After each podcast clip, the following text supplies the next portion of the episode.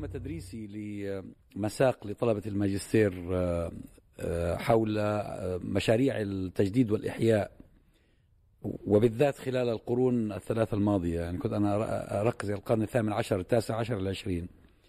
وجدت أن مشاريع الإحياء والتجديد اللي انطلقت في القرن الثامن عشر كان التحدي الأساسي لها هو التخلف الحضاري والذي نشأ عنه البعد عن الإسلام.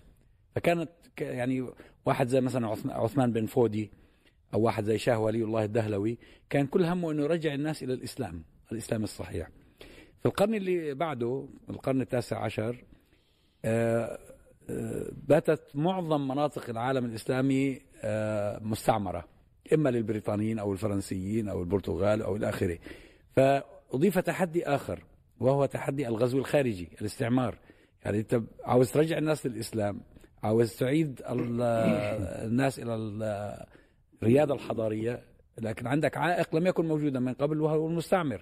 اللي له له أجندة خاصة به ولو في في القرن الذي بعده وقد انحسر الوجود المباشر للمستعمر نشأت الدولة الحديثة. والدولة الحديثة هي تحدي من نوع جديد بما تفرضه من قيود وبما تمارسه من قهر على الناس. فحركات التجديد والإحياء وأهم ربما حركتين في ذلك الوقت هي حركة الإخوان المسلمين اللي نشأت في 28 في 1928 في مصر والجماعة الإسلامية في القارة الهندية آه، وما نتج عنها من من تجليات مختلفة كانت آه، تواجه تحدي التخلف والانسلاخ عن الدين تحدي الاستعمار وبقايا الاستعمار وتحدي الدولة الحديثة بكل ما تحمله من معاني البطش بالناس. وكان طبيعي إنه ردود أفعال الناس على هذه العوامل الثلاثة تتباين.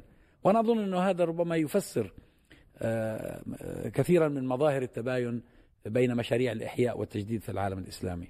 يعني هو إحنا إذا رجعنا إلى المسألة من جذورها القديمة آه، التيارات الإسلامية وتعددها نشأت منذ القرون الأولى.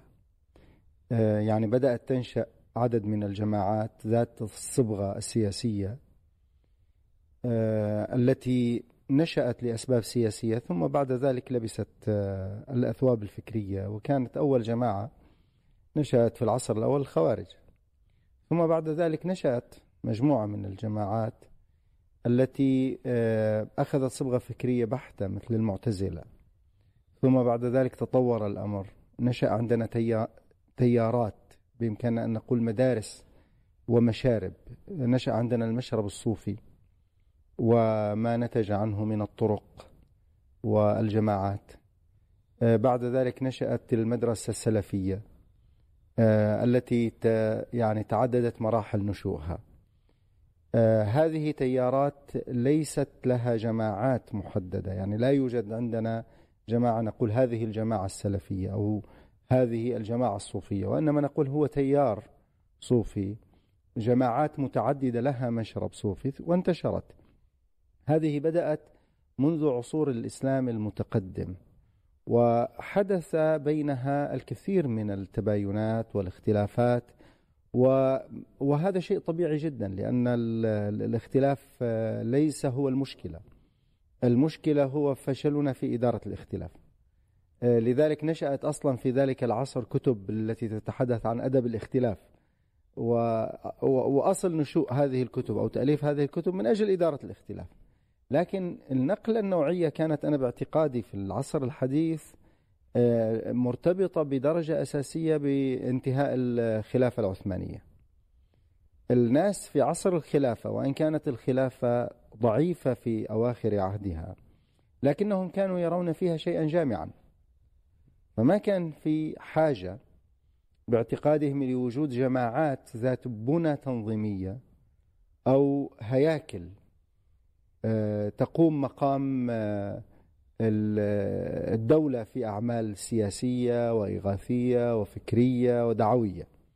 لكن تيارات الإصلاح موجودة. موجودة تيارات الإصلاح. لكن نشأة الجماعات في العصر الحديث آه، كانت نقطة الانطلاق لها هي سقوط الخلافة. لذلك بعد سقوط الخلافة أصلا نشأ عدة مؤتمرات. مؤتمر في مصر للبحث في آلية سد الفراغ. الذي أحدثته الخلافة والبنا الإمام البنا رحمه الله تعالى أصلا لما أنشأ الجماعة هو أنشأها رد فعل على سقوط الخلافة على انتهاء الخلافة العثمانية وكذلك لما نشأت آه، بعض الحركات الأخرى والجماعات نشأت كرد فعل على هذا الواقع نعم. هو هذا يعني خطوة شوي آه، قريب. أنا بوجهة نظري اللي أشار له الدكتور عزام جدا مهم. آه، في الحقبة العثمانية حصلت حركات إحياء أو مطالبات وهي مهمة. من الصعب فصلها عن سياقها التاريخي وجعل أن سقوط الدولة العثمانية هو الذي أعلن ذلك. لأنه حقيقة آه، يعني كان في يعني المراحل الثلاث القرن الثامن عشر التاسع عشر القرن العشرين نجمعها وصف واحد أدى للحركات الإسلامية أن تخرج بهذا الشكل وهو آه، العلمانية والظهور العلماني المبالغ فيه وكان هذا في عهد الدولة العثمانية موجود. السلطان سليم الثالث كان رجلا مغرم في الثقافة الفرنسية لم لم يستنكر دخول نابليون إلى إلى مصر إلا فيما بعد لما ثار عليه فقهاء الأناضول.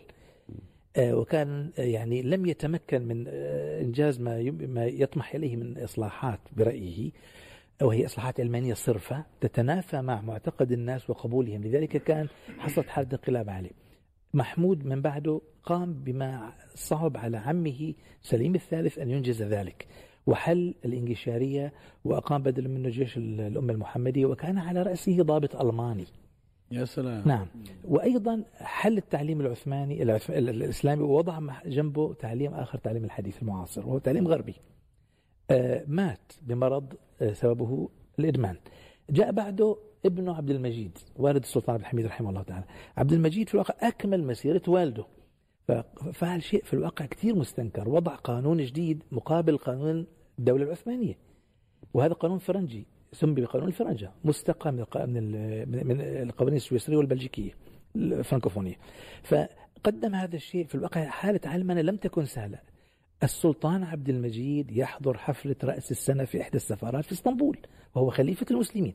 في الواقع هذا شكل نوع من الصدمة القاسية والقوية في علماء وفقهاء الأناضول والمسلمين عموما. ما كان هؤلاء السلاطين الثلاثة لم يكونوا محل قبول واسع إسلامي أتكلم أنا.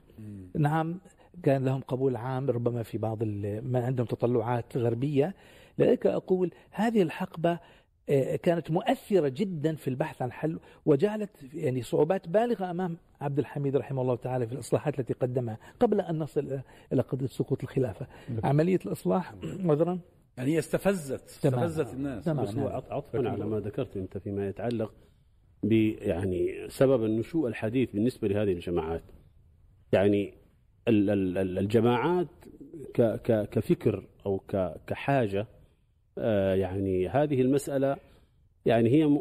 يعني تأصيلها واضح بالنسبة للعلماء وللدعاة والمصلحين إنه لا لابد لعملية التغيير من تجمع أو من جماعة ولتكن منكم أمة يدعون إلى الخير فهذه المسألة لها جذورها كما ذكر الشيخ محمد آه، يعني في التاريخ الأول إنه هنالك جماعات الأمر بالمعروف والنهي عن المنكر والحسبة وحتى العلماء في مدارسهم. يعني هي هذه المدارس الفقهية كانت تجمعات. آه هذه التجمعات كان لها أثرها المجتمعي وكان لها أثرها السياسي أيضا وإن لم تتسمى ب يعني المسمى السياسي المعين. آه يعني ضعف هذه الجماعات في القيام بالمهمة الإصلاحية هي التي فاقمت الأمور. نعم. يعني بمعنى أنه لو يعني لو أن هذه الجماعات وفقت في أنها تقوم بالعملية الإصلاحية مبكرا. في فترات الانحراف مثلا في أواخر الدولة العثمانية و يعني لما يعني حصلت لما لما حصل السقوط أصلا يعني نعم.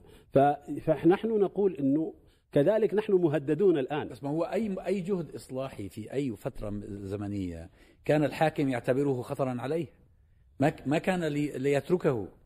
إذا إذا إذا إذا وجدت مقومات لدى هذه الجماعات والتجمعات في تجاوز هذه التحديات والتي منها تحدي الحاكم ومحاولة الحاكم لإيقاف هذه ما هذا جزء من التحدي. يعني هل تستطيع ولذلك نحن نريد أن نقول إنه هذه الجماعات اليوم القائمة اليوم بالمناشط المختلفة بالتوجهات المتعددة إذا لم تقم بعملية التجديد والإصلاح والمواكبة وتجاوز هذه التحديات فإنها ستجد نفسها في أزمة هي أشد من الأزمة التي نحن فيها. يعني بمعنى إنه لو كان لو كان مثلا إلى طريق مسدود نعم لأن يعني مثلا لو كان هناك قدر من الاحتساب والإصلاح في أواخر الدولة العثمانية والإيجابية لدى بعض العلماء في أن يتحركوا للقيام بعملية الاحتساب للخروقات التي حدثت من قبل السلاطين ومن أتباع السلاطين المظالم التي وقعت. كانت هنالك سلبية كبيرة جدا. يعني لدى كثير من الفقهاء والعلماء والمصلحين. أيوة بس هذه السلبية ألا ترى أن السبب فيها هو إضفاء نوع من القدسية على شخص السلطان؟ يعني الخليفة أو السلطان كان من حوله يزينون بأن هذا رجل يعني كما كان البابا في تاريخ أوروبا. يعني هذا جزء من المشكلة. جزء من المشكلة اللي هو المشكلة الفكرية. الجانب المنهجي. يعني يعني ما هي المحددات المنهجية التي تضبطنا في التعامل مع الحاكم حتى لا نضفي عليه القدسية؟ ما هي المحددات المنهجية التي تجعلنا نتفاعل مع الواقع المجتمعي في استصحاب هذا الواقع؟ وألا نكون معزولين عن هذا الواقع. فتتحول الجماعة مع مع الزمن آه، يعني إلى أشبه بجماعة منكفئة على نفسها. أبعد ما تكون عن هموم الواقع هموم المجتمع. اذا اذا يعني يجب حقيقة أن نضع أيدينا بموضوعية على مشكلات هذه الجماعات آه، يعني حتى نستطيع أن نتجاوز هذه المشكلات. هناك فرق هناك فرق بين حالين وربما ثلاثة أحوال. الحالة الأولى هي قيام الدولة الإسلامية الجامعة وقيمها وكفائتها بحاجة الناس. الحالة الثانية هي أن تكون هذه الدولة قائمة ولكنها ليست كفء بحاجات الناس ولا بتجديد الدين ولا بسياسة الأمور. الحالة الثالثة هو زوال الخلافة و آه، آه، آه، يعني شغور الزمان من السلطان الشرعي الجامع للمسلمين.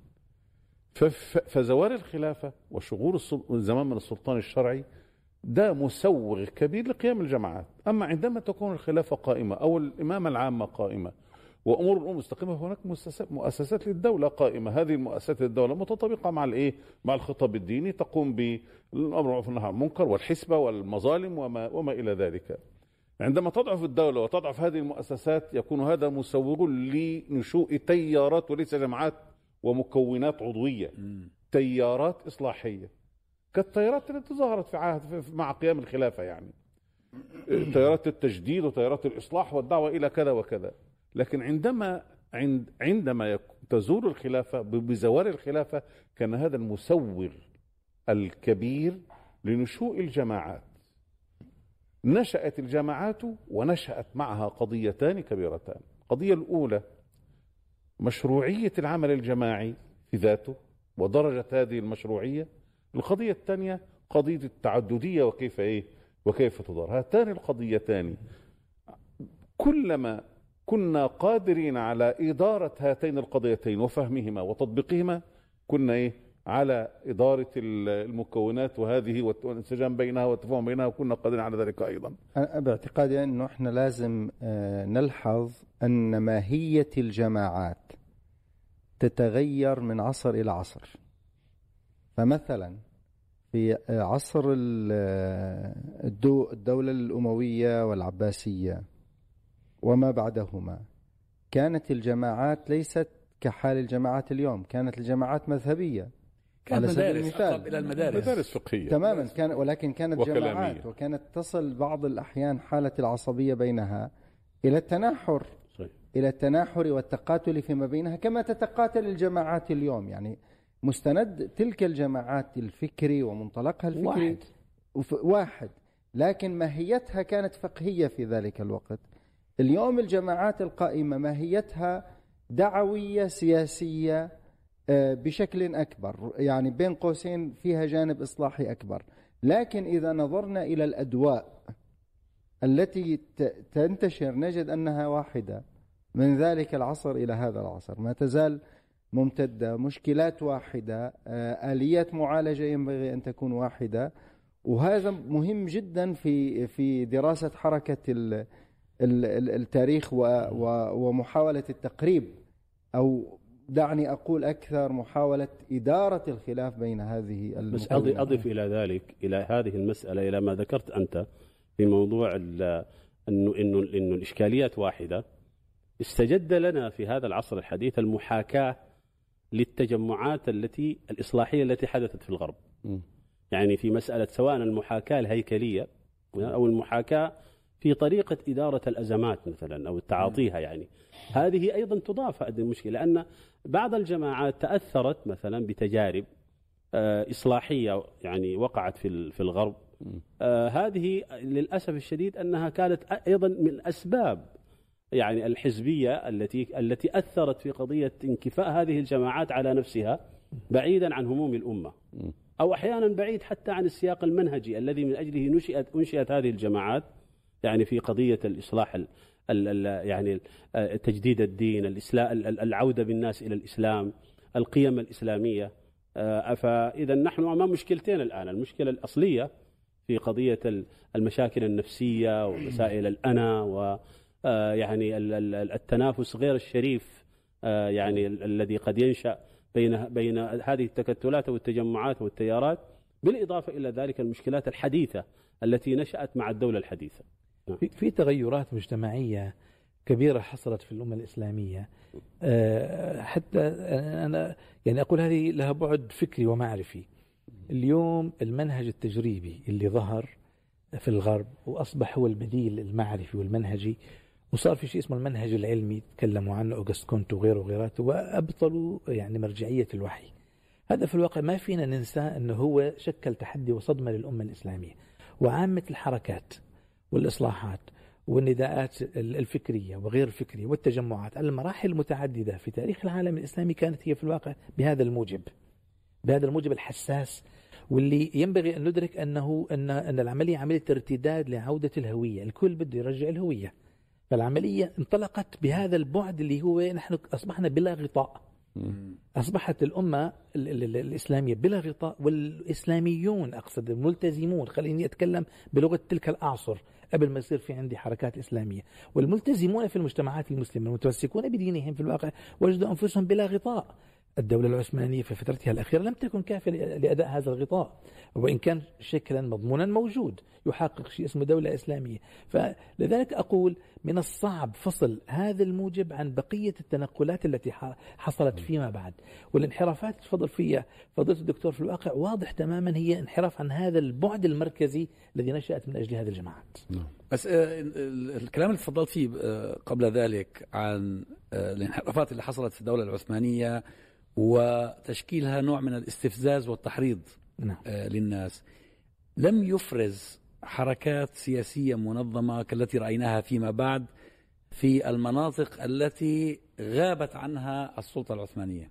غابت غيابا تاما. يعني مثلا في القرن الثامن عشر آه، آه، نيجيريا والنيجر اللي طلع فيها عثمان بن فودي ما كان ما كان فيها أصلا حكم إسلامي ولا ولا الخلافة تهيمن عليها. نفس الشيء الهند.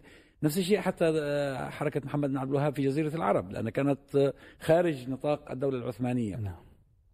فيما بعد في القرن التاسع عشر لأنه كان في استعمار موجود معظم هذه الحركات أصبحت مسلحة نعم. حتى الصوفية منها يعني السنوسية في ليبيا والمهدوية في السودان حملت السلاح لأنه هو التحدي اللي صار اللي فرض عليها ولم يكن موجودا من قبل هو وجود جيوش غازية استعمارية جاية من الخارج. بعد ذلك آه الشيء الجامع لما بين الحركات التي تشكلت في القرن العشرين أنها أصبحت في مواجهة دو دولة صنعت على أيدي المستعمر ولكن يديرها أبناء البلد. آه، وهنا صار في إشكالية أنه طب كيف تتعامل مع هذا الواقع؟ بتهيألي أنه كثير من التباينات في أساليب الحركات والتنظيمات كان منشأها أنه كيف نتعامل مع هذا الكيان؟ سهل إنك تقرر كيف تتعامل مع الاستعمار. الاستعمار ما فيش إلا طريقة واحدة تتعامل معه فيها. هذا التحدي الكبير اللي هو إن الاستعمار كان واضح. آه. لكن لكن عندما يأتي كبديع عن الاستعمار احتلال بالوكالة في صورة دويلات آه، تحكم العالم الإسلامي باسم الاستعمار ويشتبه على الناس أنهم إيه؟ أنهم يعني هل هم حكامنا ولا حو ولا ولا, ولا أيادي غيرنا تحكمنا؟ هذه الإشكالية الضخمة هي من أكبر أسباب اختلاف الجماعات في رؤيتها لإيه؟ لطرق التغيير. من أكبر أسباب من أكبر أسباب اختلاف الجماعات في رؤيتها للتغيير. فهؤلاء يرون أن التغيير لابد أن يكون تغييرا تحتيا إصلاحيا تحتيا. والآخرون يرون أنه لابد أن يكون تغييرا فوقيا إما بالنضال الدستوري أو بال بالتغيير بالسلاح. ومن ثم ف يعني كان يعني هو نقطة التحول الكبيرة في هذه المسألة هي زوال الخلافة أو سقوط الخلافة أدى إلى أن العالم الإسلامي كله حاله يبتدي يفكر إيه؟ يفكر في إيه؟ إيجاد البديل والبديل المتاح الوحيد هو إيه؟ هو تكوين جماعات جماعات مختلفة تماما عن تيارات وعلى فكرة مسألة العصبية والتقاتل اللي حصل ما بين الجماعات بعد ذلك العصبية وه- وهذه الشدة التي كانت بينها لم تكن موجودة بهذه القوة في ال ال في صورة المذاهب الفقهية أو شيء من هذا ال ال ال ال التعصب من المذاهب ده اللي صور لنا على أنه يعني إيه شيء طاغي ومزعج لا بالعكس ده هذا كان استثناء. هذا لم يكن إلا استثناء. أما الأصل بين المذاهب هو المهارة العالية من الفقهاء. الكبار. وسعة الصدر في إدارة الاختلاف بينهم وفهمهم لهذا الاختلاف على أنه إيه؟ على أنه يعني إيه؟ يعني اختلاف يتسع في في في, في الاجتهاد وما أثر في الأمة الإسلامية أي نوع من الت... طبعا في أوروبا كانت الحر- الحروب الدينية كانت اجتاحت أوروبا يعني تقريبا أغلب حروب أوروبا. في عصر النهضة كانت أسباب أسباب دينية. الحروب ال- العوام الس- السبع والعوام التسع وال- والثلاثين والحروب بتاعت البروتستانت ولكن ما تقاتل المسلمون بأسباب بسبب مرة واحدة بسبب المذاهب الفقهية. تاكيدا لما ذكرت حتى المذاهب الكلامية ما حصل حتى تقاتل بسبب المذاهب الكلامية. اللهم إلا حالات استثنائية لما المعتزلة حملوا المأمون على أن إيه على أن يعني يح يعني يفتن ضغط سياسي. الفقهاء. ضغط سياسي. أو لما بعض بعض الولاة آه، قتل مثلا الجعد بن درهم وجهم بن صفوان لكن عمر المذاهب حتى الكلامية ما أدت إلى إيه؟ إلى هذه الشدة اللي بتحدث بين الجماعات الآن، ده بسبب إيه؟ بسبب رؤية التغيير الأساسية، هل هي بهذه الطريقة أم بهذه أم بهذه؟ تاكيدا لما ذكرت في موضوع إنه الجماعات أحيانا تحسن إدارة الموضوع مع المستعمر باعتبار الوضوح يعني وضوح واضح الوسيلة يعني أو الوسائل وأنها أخفقت في موضوع إدارة الدولة، أنا أضرب مثل بجمعية علماء المسلمين في الجزائر.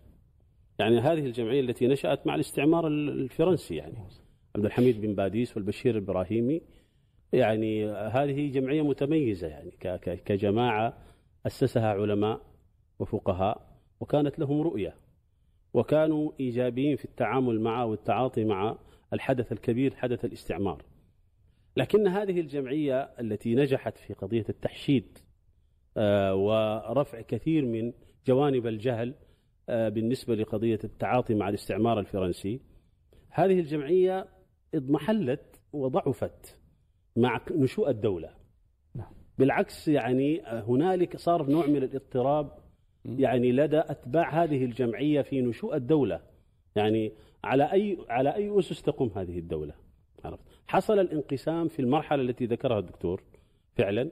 يعني حصل النجاح الكبير في في فترة الاستعمار لكن حصل الإخفاق الكبير بعد نشوء الدولة. ف- فاذا يعني هنالك يعني يعني الدولة, أوهمتهم. الدولة القطرية دي. الدولة الدولة هذه. الحديثة طبعا. ليست, أوهمتهم ليست أوهمتهم. الدولة الحديثة كيان في بنيته كيان جديد مختلف تماما عن الكيان الذي استقر في الذهن الفقهي وفي العقل الفقهي والعقل الشرعي لمفهوم الدولة. الدولة ال- التي تم- تمتد على الأمة الإسلامية وتطبق نوعا من الأحكام جاءت هذه الدولة الحديثة بنموذج جديد جدا غير معروف لديهم.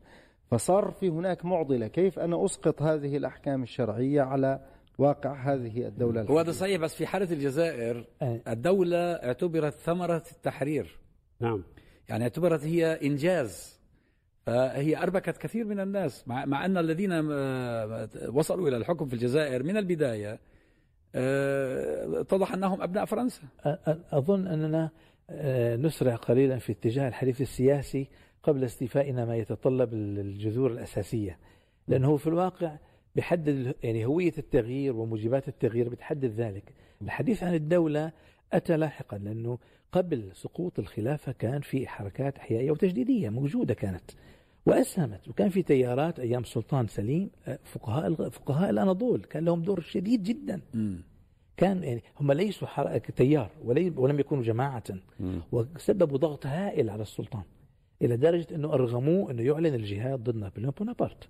فأنا أقصد أنه فكرة صح يعني فكرة تشكل الجماعة أكيد آه، آه، جاء لاحقا بسبب سياسي اللي هو سقوط الدولة العثمانية. لكن قبل ذلك هذه المرحلة ما ينبغي أن, أن, أن, أن, أن, أن تغيب عنا لأن في تلك الفترة حقيقة كان في أزمة في فكرة الدولة كلام الكواكبي في الموضوع في أم القرى كلام جديد. بتكلم عن شيء لا هو الخلافة ولا هو الدولة المعاصرة وهو من ممن ينسب في في في تلك المرحلة. فأنا أظن يعني ما كم هناك ما أقول إرهاصات بدايات لكنها كانت ناضجة. بس الكواكبي أجى في فترة كانت الدولة العثمانية يعني نجمها يأفل. نعم. واضح يعني كان لل... أنا بتكلم في فكرة الدولة المعاصرة والخلافة. جاءت فكرة أم القرى يعني لما نعم. هو جمع أو تخيل اجتماعا نعم. للمسلمين لأنه شعر بالأزمة بحجم الأزمة التي ستعيشها الأمة. تماما. فلذلك يعني يعني فكرة البعد اللي بتصور هو تحدي الهوية شكل في كل المراحل موجب للتغيير سواء كان اقتصادي. سواء كان سياسي أو حتى عسكري في بعض الظروف غير الموضوعية وغير المنطقية. لكن في النهاية بتصوري في جملة أسباب ما ينبغي فصل بعضها عن بعض. وصحيح بس التيارات اللي أنت تتكلم عنها هي امتداد لكل تيارات الإصلاح اللي كانت موجودة منذ القرن الثاني. جميل جدا. آه ولكن النقطة الفاصلة كانت لما غاب هذا الكيان الإسلامي كشف. ولو كان رمزيا صحيح.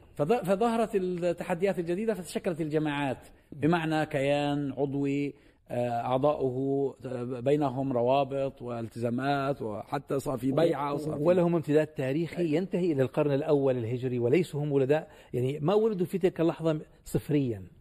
بعدين الاستعمار تعامل بخبث شديد. إذ إنه رأى أن الإيه أن التغيير قادم لا محالة. إيه؟ وأن الثورة ستأتي عليه لا محالة. فقال بيدي لا بيد عدوي فلتكن بيده هو. فهو الاستعمار نفسه راعى هذه الثورات راعى هذه الثورات يعني يعني إيه؟ ما يسمى بثورة 52 عندنا قلب 52 ده. الاستعمار راعى هذا هذا الايه هذا الانقلاب. من أجل ماذا؟ من أجل أصلا يعني يعني لما نرجع بالذاكره لوراء نلاقي إن ثورة 19 كانت طالعة من الأزهر أصلا. وإن حركات التحرير كلها والمقاومة كلها بحالها صبغتها صبغه دينية سواء إذا كانت 19 أو ما بعدها وحركة الإخوان المسلمين وإلى ذلك. فخلاص لما اذا يكن بيدي فليكن بيدي.